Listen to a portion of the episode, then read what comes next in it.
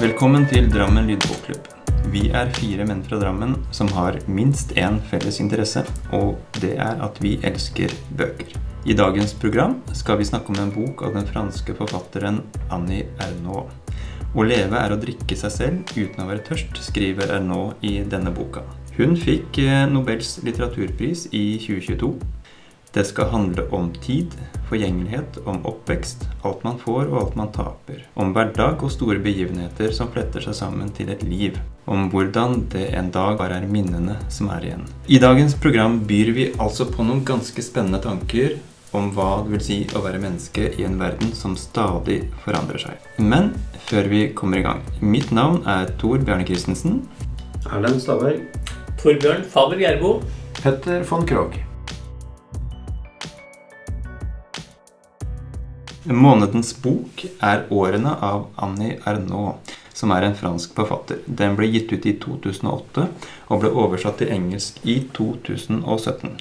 I 2020 ble den utgitt på norsk. Overalt har den fått strålende kritikker, og boka regnes allerede som en moderne klassiker. Hvorfor valgte vi akkurat denne boka? Vi valgte 'Årene' fordi, kanskje i hovedsak fordi at hun vant eh, Nobels litteraturpris. Og vi har jo en hang til å få lest disse forfatterne som regel. Eh, I tillegg så har vi ikke hatt altfor mange franske forfattere. Og så hadde jo Erlend og Thor eh, lest boka før og sa at det var en god bok. Så det er vel egentlig bakteppet. Det jeg har hørt om Annie er nå, er egentlig bare skryt. Eh, og hun blir jo omtalt som en av de store forfatterne i Frankrike. Men hvem er hun egentlig, Erlend? Hvis vi går tilbake til starten, så er hun født i 1940 i en arbeiderklassefamilie i Normandie.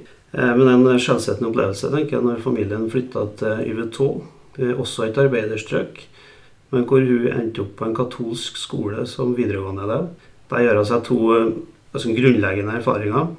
Får sin første kjærlighet, men møter også middelklassen. Jeg tenker at De to erfaringene virker som har tatt med seg gjennom hele forfatterskapet. Det med kjønn og klasse.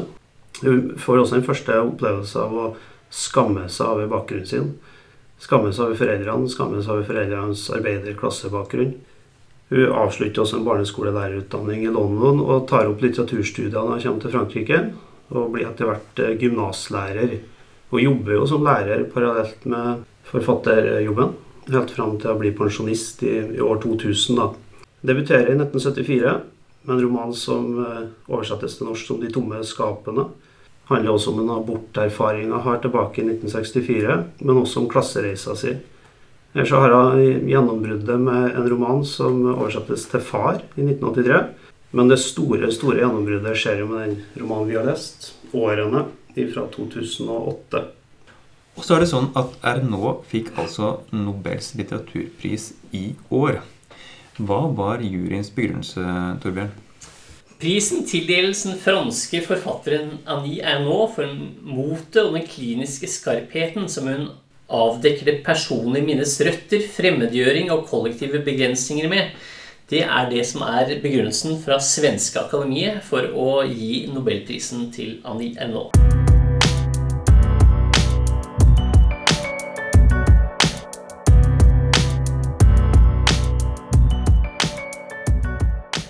Årene er en kvinnes fortelling om sitt eget liv. Den starter under krigen i 1941, året etter at Arnault selv ble født, og den slutter i 2006. Vi følger altså denne kvinnen fra barndom og gjennom hele seks tiår. Hun får barn, barna vokser opp, og hun blir bestemor. Og hele veien får vi hennes tanker og refleksjoner. Livet hennes det foregår i et Europa i en stor forandring og en rivende utvikling på alle områder.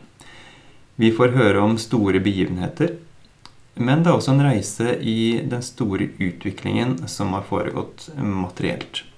Ernaud forteller mest om hverdagene, og hun er særlig opptatt av alle tingene. Det de snakket om, det de gjorde, alt det som en gang utgjorde virkeligheten, og som nå er borte. Her er det mange temaer. Oppvekst, pubertet, seksualitet, abort, kjønnsroller, kjærlighet, familie. Og over det hele så er jo da erindringen og minnene som en slags overbygning. Årene er en klok bok. Det er en bok som får en til å tenke. Hvorfor tror dere Ernaux skrev denne boka? Har du noen tanker, Petter? Sånn jeg opplever eh, forfatteren selv, så har det nesten vært et sånn behov for å skrive denne boka, eller et ønske, som, veldig, som har gått gjennom veldig mange år i livet hennes. Det har vært en plan hun har hatt. Hvis jeg tolker det liksom som at dette er en rent selvbiografisk eh, roman, da, som jeg velger å gjøre. Et spørsmål jeg stiller meg, er eh, når begynte hun å på en måte loggføre hendelsene rundt seg så nøyaktig? Fordi det er klart, som du er inne på, går, det er jo en slags eh, en variant av Europas historie vi er med på. Hun, veldig mye av knaggene hun bruker, er jo faktiske hendelser, spesielt i Frankrike. Eh, det er jo hendelser som jeg enten har hørt om fra mine foreldre, eller som jeg kan huske sjøl, som jeg kanskje har glemt. Som hun greier liksom å pinpointe veldig bra. Jeg lurte liksom på Har hun sett mange gamle TV-programmer og lest mange gamle aviser for å på en måte sette seg tilbake til den tiden? Eller har hun underveis i livet sitt logget for å liksom kunne prøve å gjengi den følelsen som, som vi eller de hadde akkurat da? For det, det, får hun veldig bra til. Hva tenker dere om eh, denne boka? Ja, men jeg er enig i det. Petter sier at det virker som det har vært et behov gjennom hele livet hennes å få fortalt den historien men at det har mangla en form. Det har ikke ant hvordan jeg skal gripe det an. Hvordan skal jeg fortelle det her? Min personlige historie. Men hun kan på en måte ikke fortelle det i jeg-form, for det syns jeg låser jeg for mye fast. Men heller ikke i hun-form, for da blir det altfor lang avstand. Og så finner jeg denne mellomtingen med det kollektive vi-et, da, som jeg syns er et sånn genialt fortellergrep. Hvor det på en måte får en sånn flyt, hvor hennes private historie hele tida blir kobla til de store verdensbegivenhetene. Så tenker jeg også som Petter tenkte underveis, hvordan fikk hun tak i all den informasjonen? altså Hvordan klarer hun å gjenskape alle de her øyeblikkene, alle de minnene? Fotografiet er naturligvis nøkkelen hennes. Men også vil jeg tro den dagboka som jeg hele tida refererer til. Som jeg hele tida på en måte helt fra jeg var ung kanskje har hatt det her prosjektet. Å fortelle den historien. Men først i eh, ja, pensjonsalder så finner jeg formen som forløser det på en måte. Så jeg syns det er en roman som er et godt eksempel på at formen er forløsende på en måte for å kunne fortelle historier. Men er det en uh, historiebok om, om uh, Europas og hennes historie fra 1940 og fram til i dag? Jeg syns det er på en kulturhistorie. Det, og det, jeg syns det er veldig spennende å dra inn f.eks. reklame. Eh, si litt om reklame. Si litt om eh, populærmusikk av ulike sjanger. Det er eh, Så jeg, hun på en måte tar med nokså bred en ja, ganske bredt erfaringsfelt fra, fra hverdagen. Da. Så jeg tenker at uh, Ja, jeg tenker at dette er en, en uh, europeisk kulturhistorie, kanskje spesielt fransk. da. Jeg tenker at særlig den der utviklingen fra uh, et sånt et, et, et samfunn med stor materiell nød og til med stadig mer, eh, mer varer og tjenester og til dagens både forbrukersamfunn er jo for noe ganske klart frem. Og den følelsen ja, de omgås med det på, da. Vi hadde en gang en bok hjemme hos oss som het 12 000 ting du kan glede deg over. Og det var rett og slett en oppramsing av ting, av gjenstander og, og, og ting i denne verden. Og det var sånn som eh, en deilig sommerdag ved fjorden. Eller, eller lukten av nystekte vafler. Eller blyantspissere. Eh, og så lo vi først av den boka og tenkte at nei, det var det for en tullete bok. Men så ble vi sittende og lese i den. da. Og så, så etter hvert da, så danset et bilde av den verdenen vi lever i. At den egentlig er veldig fin. Og det er veldig mye det, det, Den er så stor, da. Og det er så, så, så, det er så rikt. Og litt den samme følelsen fikk jeg da jeg leste boka av Annie Ernaux. Fordi hun beskriver disse hverdagstingene og tradisjoner, ting de gjorde, og ting de trodde på, som ikke er lenger. Og, og der kommer litt om det med erindring inn, og det tapte, og det, det, du en gang hadde, og som, som, er på en måte slags en sånn sand da, som renner ut mellom fingrene dine, og, du, og så blir det borte. Og så er det på en måte en slags påminnelse om at uh, ting er forgjengelig. da. Ehm, jeg syns det er litt sånn sterkt at hun en så flink forfatter greier å, å, fortelle ekte fra et så langt liv. Fordi altså, Vi har jo millioner av biografier vi kan lese som følger hele liv. Men denne boka greier på en måte både å skildre omverdenen og være biografisk. Eh, og det er en sånn påminnelse om hvor mye som der og da er absolutt alt. Hvordan det faktisk er forgjengelig i det lange løp. Hun balanserer veldig godt, da. Ja, for Ernaud fødes jo inn i et veldig tradisjonelt Europa. Eh, og så vokser hun opp i en tid hvor ting er i endring. Hvordan syns dere hun eh, hun får fortalt denne historien da, om, om eh, gangen fra det tradisjonelle og over til det mer liberale og, og nye Europa? Jeg syns hun får frem veldig tydelig at det personlige er det politiske.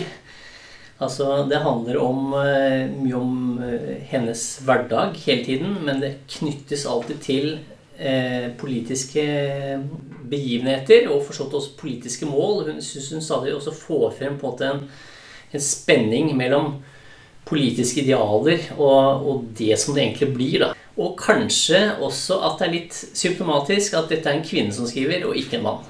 Veldig mange biografier er mannlige. Det handler om jeg-person. Og dette gjør jeg, og dette gjør jeg ikke. Hun får frem her, ut fra sine egne personlige erfaringer, får hun på en måte sagt noe som er mye større enn henne selv. Så jeg syns dette på en måte er eh, Jeg synes det er et glitrende eksempel på veldig god feministisk, politisk litteratur. Samtidig så er det en sånn sosialhistorisk, eller sosiologisk historisk roman. Hvor hele tida er det sånn Hun er analytisk. Så unngår det sentimentale. Det er egentlig en sånn sår, litt sånn tristhet i romanen også, med alt som blir borte, og forgjengeligheten. Og uansett spor du setter etter deg, så vil det bli borte innenfor ganske kort tid, egentlig. Men du klarer å gjøre det usentimentalt. Det er litt sånn, en røff dame, syns jeg. Jeg setter meg sånn inntrykk av at det er en, det er en veldig tøff dame som ung, men også som gammel, når hun ransaker sitt eget liv. Men det hele tida det perspektivet med analyse syns jeg hun står litt sånn på utsida betrakter både seg sjøl og det liksom fortellergrepet i, som forløste dem for henne, At hun liksom klarer å stå på utsida både seg sjøl, men også litt tida. Hun kommenterer liksom tidlig roman husker jeg på, at hun er liksom aldri samtidig med tida. Hun er alltid litt sånn forut. Og når samfunnet tar igjen hennes tanker, så er allerede hun et annet sted, på en måte. Så har alltid den der blikket utenfra. Og så er det hele tida blikket fra, fra kjønn og fra klasse. Liksom helt gjennomført hele veien.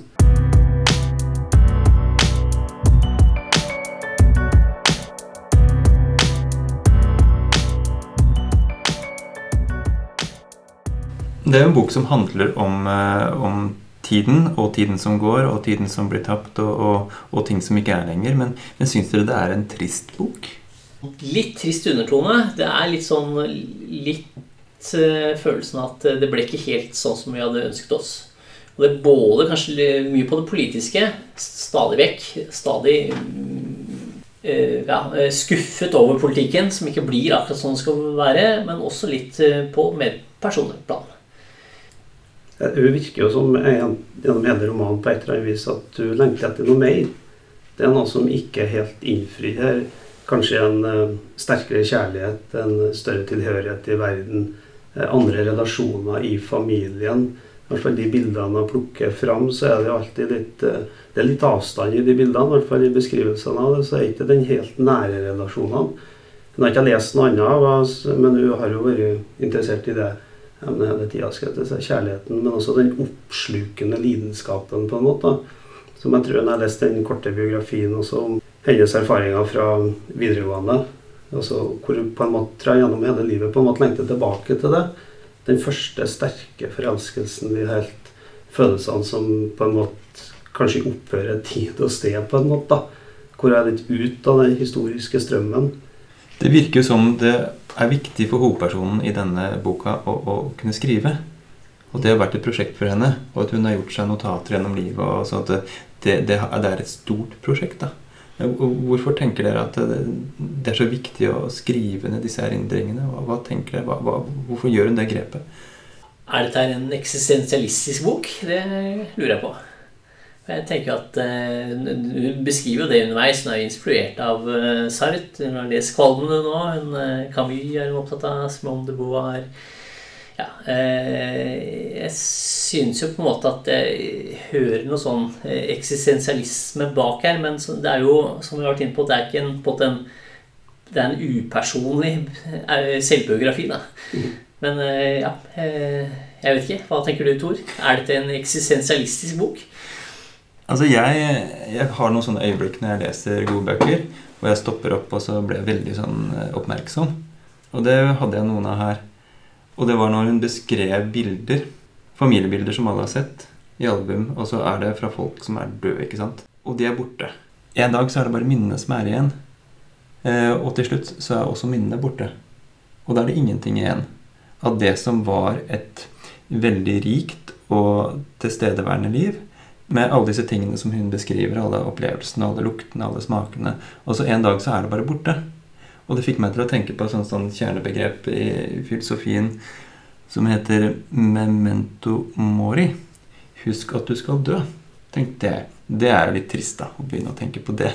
Men, men jeg kunne ikke fri meg fra det, fordi hun er jo veldig opptatt av at, det, at hun er en eldre dame, og hun har ganske mange tanker om at hun eh, kanskje snart skal bli borte. Da skjer det noe, tenker jeg, da, med perspektivet. Når du innser at uh, du, det kommer en tid hvor ikke du finnes lenger. Men hva, hvordan, hva gjør det med hvordan du oppfatter verden, da? Og hun sier det jo på slutten av boka, faktisk eh, den siste setningen, at oppgaven da blir no, å, å bevare noe fra den tiden der vi aldri mer skal finnes. Bevare noe fra den tiden der vi aldri mer skal finnes. Det er den siste setningen i boka. Og, og da må man ta vare på, på, tiden. For det er en stor forskjell hvis mennesket hadde hatt ubegrensa med tid. Så det er noe med dette eh, begrepet om død da, som veldig mange filosofer har vært opptatt av. At det, vi ville jo antakeligvis vært fullstendig usympatiske hvis vi aldri skulle dø. Det er, det er, døden som på en måte setter livet i perspektiv, sånn at du, du kan eh, bli et ålreit menneske og vokse og kanskje sette pris på ting. Det, det skaper en ramme da, som er verdifull. Samtidig som det er en en roman om, om døden, så er en roman om å huske at du skal leve også. Det er masse livskraft i denne fortelleren, syns jeg. Det er mye sjølironi, eh, sjølutleverende, men også ganske krass med seg sjøl. Men du unngår hele tida å falle i noen grøftekant, syns jeg, med kritikken. Sjøl når det kommer til vår tid, hvor er sånn veldig fascinerende på en måte, hvor hele tida har følt seg litt sånn foran tida. Men på slutten av romanen så er jo tida foran hun. Og når jeg sitter og snakker med sønnene, så skjønner jeg på en måte, som sikkert alle eldre skjønner, at tida har gått forbi oss. Og så går jeg kanskje da tilbake ikke sant? for å fange noe av den tida hvor du ikke fins mer. Jeg syns ikke det er en trist bok. Nei. For det er mye livskraft, og det er jo noen valg hun tar. Og jeg opplever at det er, for eksempel, det er hun som går fra mannen og tar bevisste valg der og, og vil noe annet og får seg elskere og eh, lever sitt liv. Men hun sier aldri sånn 'ja, ja, det ble som det ble'. Hun ser seg ikke nødvendigvis sånn tilbake på den måten og sier 'å, det var trist at det blei sånn'. Litt sånn, Hun erkjenner at sånn kan et liv se ut. Hun har gjort masse flott. Hun virker jo som en helt fantastisk dame. Det er en sånn dame du skulle ønske du var venn med i hele livet hennes. liksom. Så jeg tenker ikke at det er trist, men jeg tror livet er litt sånn. I hvert fall Det er sånn mitt bilde på hvordan livet er. Det er jo fylt av mye flott og mye fælt og mye, mange forskjellige ting. Og når alt kommer til alt, så ble livet som det ble. Eller jeg føler at hun greier å holde den eh, avstanden til Eller overlate vurderingen for, til oss. Eh, så på den måten så vil jeg si at liksom Jeg føler ikke at forfatteren sier at dette ble et trist liv.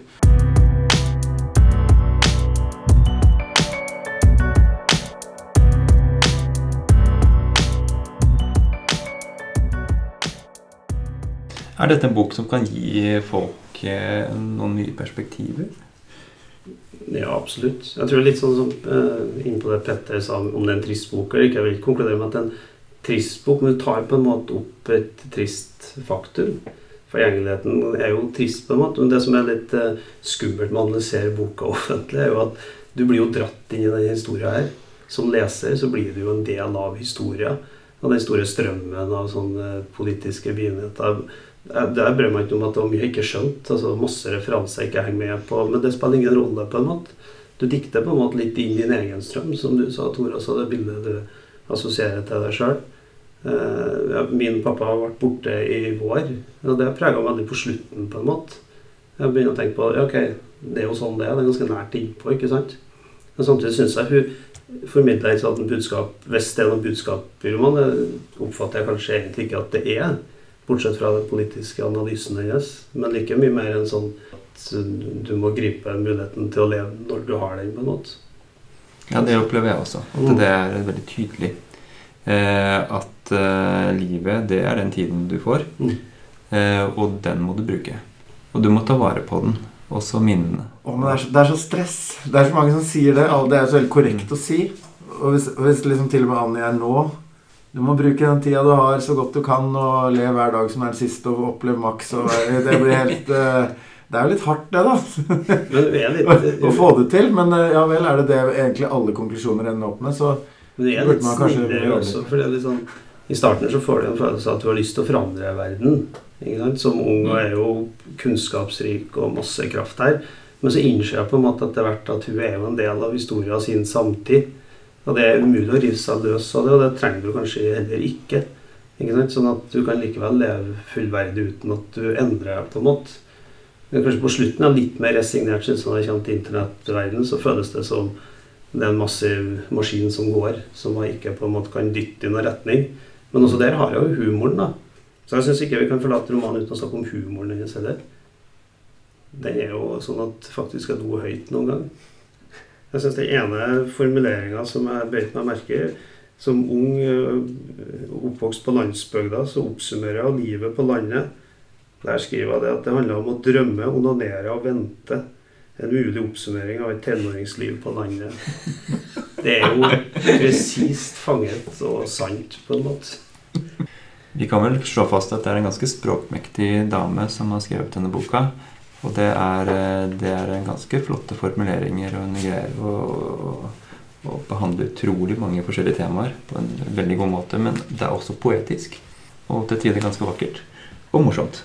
Tenkt på dette forgjengelighet, så eh, må jeg ta meg litt i at jeg har egentlig tenkt ganske sånn på forgjengelighet siste året. Og det er kanskje i forbindelse med verdenshistorien. Jeg må si at eh, invasjonen i Ukraina gjorde at jeg tenkte mye over 1989, som var et veldig viktig år eh, i mitt, i mitt liv, tenker jeg. Altså sånn, jeg var 16 år, det skjedde ikke noe sånn veldig spesielt personlig, men akkurat murens fall og det som skjedde i 1989, det gjorde et veldig, veldig sterkt inntrykk på meg.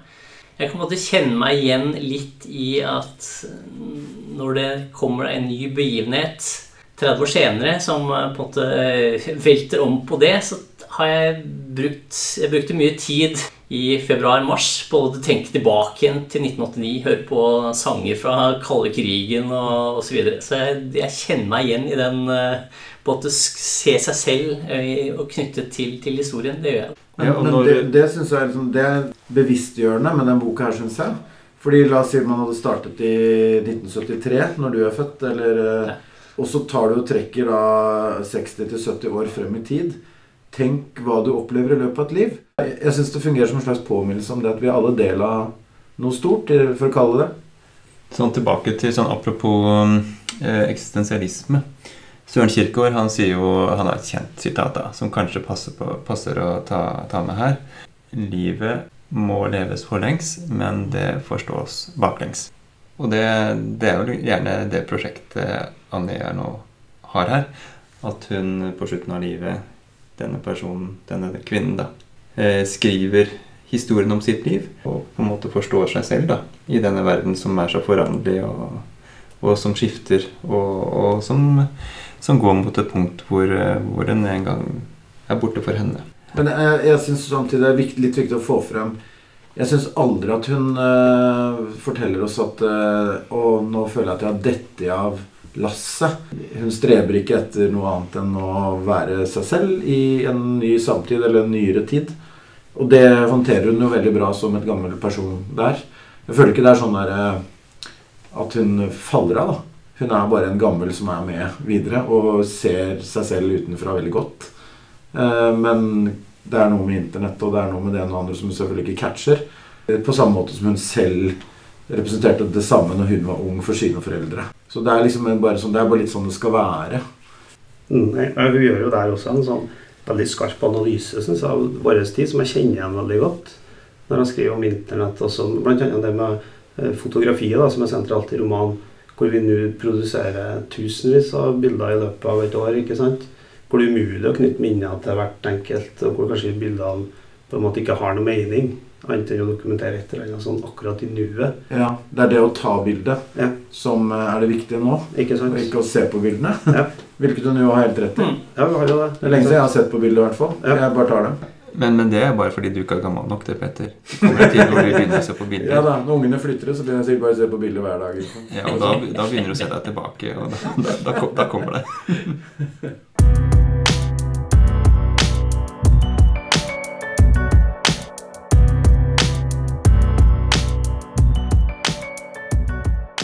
Ja, så slår det meg at det er jo en bok som handler om brudd med nesten alle de tradisjonene og reglene og den religionen som hun vokste opp med, med ganske stramme rammer. Eh, og det er en utrolig brytningstid. Hvor eh, verden går fra å være tradisjonell og, og veldig med veldig klare regler for hva man kan og ikke kan gjøre, til å bli fullstendig liberal. Men syns dere det er liksom at det er en kjølig betraktning hun kommer med? Jeg vil ikke si akkurat kjølig, kanskje, men eh, helt tydelig sånn analytisk på en måte. Mer enn eh, Jeg kan ikke se noe moral. Egentlig den er ganske uten eh, I hvert fall uten fordommer. Men også uten så veldig mye positive vurderinger, på en måte. Hun har en helt sånn særegen stil, som jeg syns også sånn inn i virkelighetslitteraturdebatten er veldig interessant. Hvor hun er jo også veldig privat med sine egne fotoer. og Helt inn på de innerste livshendelsene med abort og skilsmisse. Men hvor hun bruker det bare altså Hun er ikke interessert i det private. Hun er er heller ikke interessert i bare det politiske. Så litt sånn sosiologisk så tenker jeg kanskje at eh, hun går jo fra et, et samfunn som, eh, hvor fellesskap betyr en del, hvor det er en del skal vi si, eh, fellesskap hun står i, særlig kanskje organisert rundt, rundt kirken, til å hun seg til et eh, samfunn hvor det er eh, individet og familien, og så på en måte staten som en helhet det er jo ikke noe kollektiv som hun egentlig tilhører, og som hun sier så veldig mye om. Hun skulle gjerne vært med i, i protestene i 1968, men da var hun småbarnsmor. Det gikk ikke. Det forstår man. Og hun på en gjør en jobb, og hun har på en forhold til elevene sine. Men det kommer ikke så veldig tydelig frem at hun er en del av et, et, et fellesskap, enten der hun bor, eller med venner, eller gjennom organisasjon. Det finner jeg ikke her. Hun står litt utafor, sånn sett. Det virker som den tiden hun ble født inn i, hadde et, et større fellesskap. For Hun forteller om alle disse familiemiddagene, og de snakker om krigen. Og det er hele tiden krigen de snakker om, men, men det, det virker ganske sosialt i oppveksten hennes, og, og, mange på besøk, og det, det, er mye som skjer i hjemmet. Og så virker det som om hun gjennom livet da, får en litt annen kurs, og det blir en annen kultur, og kulturen endrer seg og blir noe annet. Og, og kanskje større grad av ensomhet. Da. Kanskje er det prisen for, for, å gå fra det tradisjonelle Europa til det moderne, liberale, frigjorte, individuelle Europa. Kanskje er det også prisen, som hun er litt inne på, å gå fra eh, arbeiderklasse til, til middelklasse.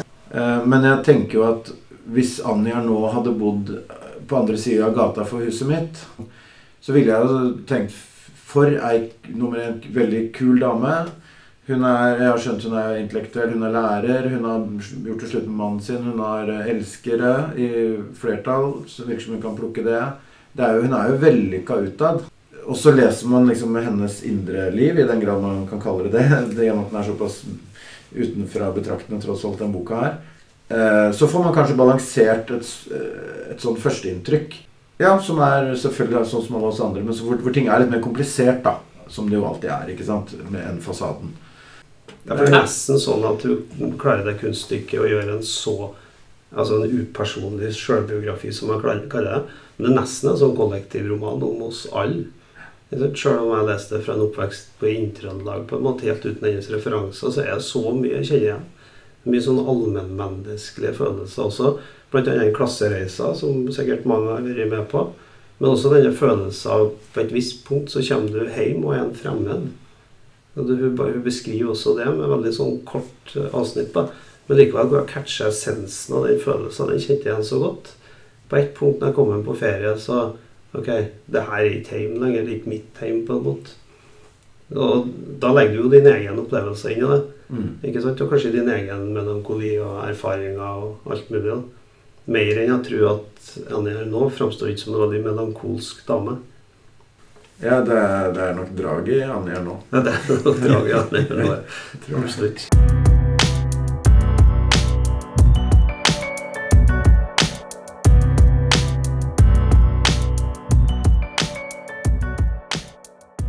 Årene er også en bok med mange fine, sterke og poetiske formuleringer, og vi må nesten lese et par av dem. De vil forsvinne på et blunk, akkurat som de millionene av bilder som fantes bak pannen på besteforeldre som har vært døde i et halvt århundre, og på foreldre som også er borte. Bilder der man opptrådte som en liten pike blant mennesker som ble borte før man ble født. På samme måte som våre sønner og døtre i vår erindring viser seg som småbarn ved siden av foreldre og klassekameratene våre. Og en dag i våre barns erindring kommer vi til å befinne oss side om side med barnebarn og mennesker som ennå ikke er til. I likhet med det seksuelle begjæret opphør, opphører erindringen aldri. Den knytter døde til levende, virkelige mennesker til oppdiktede, drømmen til historie. Det er sånn nøkkelsitat, syns jeg, da. Ja, Men eh, til enhver tid eksisterer det, parallelt med det folk betrakter som naturlig å gjøre og si, med tankene man blir pålagt å tenke av bøker, plakater på metroen, vitser, en hel rekke ting som samfunnet tier om, uten selv å være klar over det. Dermed blir alle de som føler disse tingene, uten å kunne nevne dem ved navn, dømt til et ensomt ubehag. En dag revner tausheten brått eller gradvis. Ordene veller utover tingene, og mens de endelig blir anerkjent, danner det seg nye tausheter under dem. Hvordan var denne leseopplevelsen? Jeg hørte den på Storytel eh, på, på engelsk. Ble lest inn av en eh, kvinne. Som jeg kanskje kan forestille meg også en eldre kvinne. Det, jeg syns det var en, en bra eh, opplevelse. Som en lytt, en bra lytteopplevelse. Du leste den på papir, Erlend. Hva syns du? Ja, jeg leste den på papir. Leste den litt stykkevis og delt i starten. Første halvdel, de siste 100 sidene i en sveip eh, på kort tid. Og anbefaler egentlig den leseopplevelsen. Og fordøy mye av boka på en gang. Det er en strøm som du blir dratt inn i. Jeg syns det var en sjelden god opplevelse å lese den, spesielt sammenhengende. Kan vi si at eh, årene er en eh, fryd for øret, Petter? Ja, jeg hørte den jo på engelsk på Audible, og det var en flott innleser, en dame, som leste der òg. Og em, boka er perfekt å høre på lydbok, syns jeg. I Drammen lydbokklubb så ønsker vi også da å komme med klare anbefalinger til folk. Kan vi anbefale årene? Erlend? Ja, absolutt. Torbjørn? Ja. Petter? Definitivt. Helt klart ja fra min side også. Da har vi kommet til sidesprang. Er det noen som eh, har lest noe spennende siden sist? Jeg eh, har sidesprang, ja, og boka heter Range. og handler om hvorfor generalister eh, triumferer i en spesialisert verden. Og det er jo kanskje en unnskyldning for meg selv da, til å tenke at jeg kan bare masse ting stykkevis og delt. Og det er perfekt. Ganske artig fagbok, da. Neste bok er 'Stakkar' av Mathias Fallbakken. Og Petter, du har foreslått denne boken. Hvorfor gjorde du det? Jeg har jo lest Mathias Fallbakken før, eh, for ganske mange år tilbake. Og nå har jeg liksom eh, ikke fått med meg de siste utgivelsene. Men jeg har fått med meg at de skal ha vært gode. Og den siste i rekken er jo da 'Stakkar', som kom i år. Den tror jeg er veldig underholdende. Så mm, det er vel bakgrunnen for det. Vi skal runde av, eh, og da passer det jo godt eh, å ta med noen ord av Marcel Praust. Han er jo kjent for å ha skrevet det store bokverket 'På sporet av den tapte tid'. Det er også en bok om minner og erindring. Den sanne oppdagelsesreise består ikke i å finne nye landskaper, men å se med nye øyne. Takk for oss.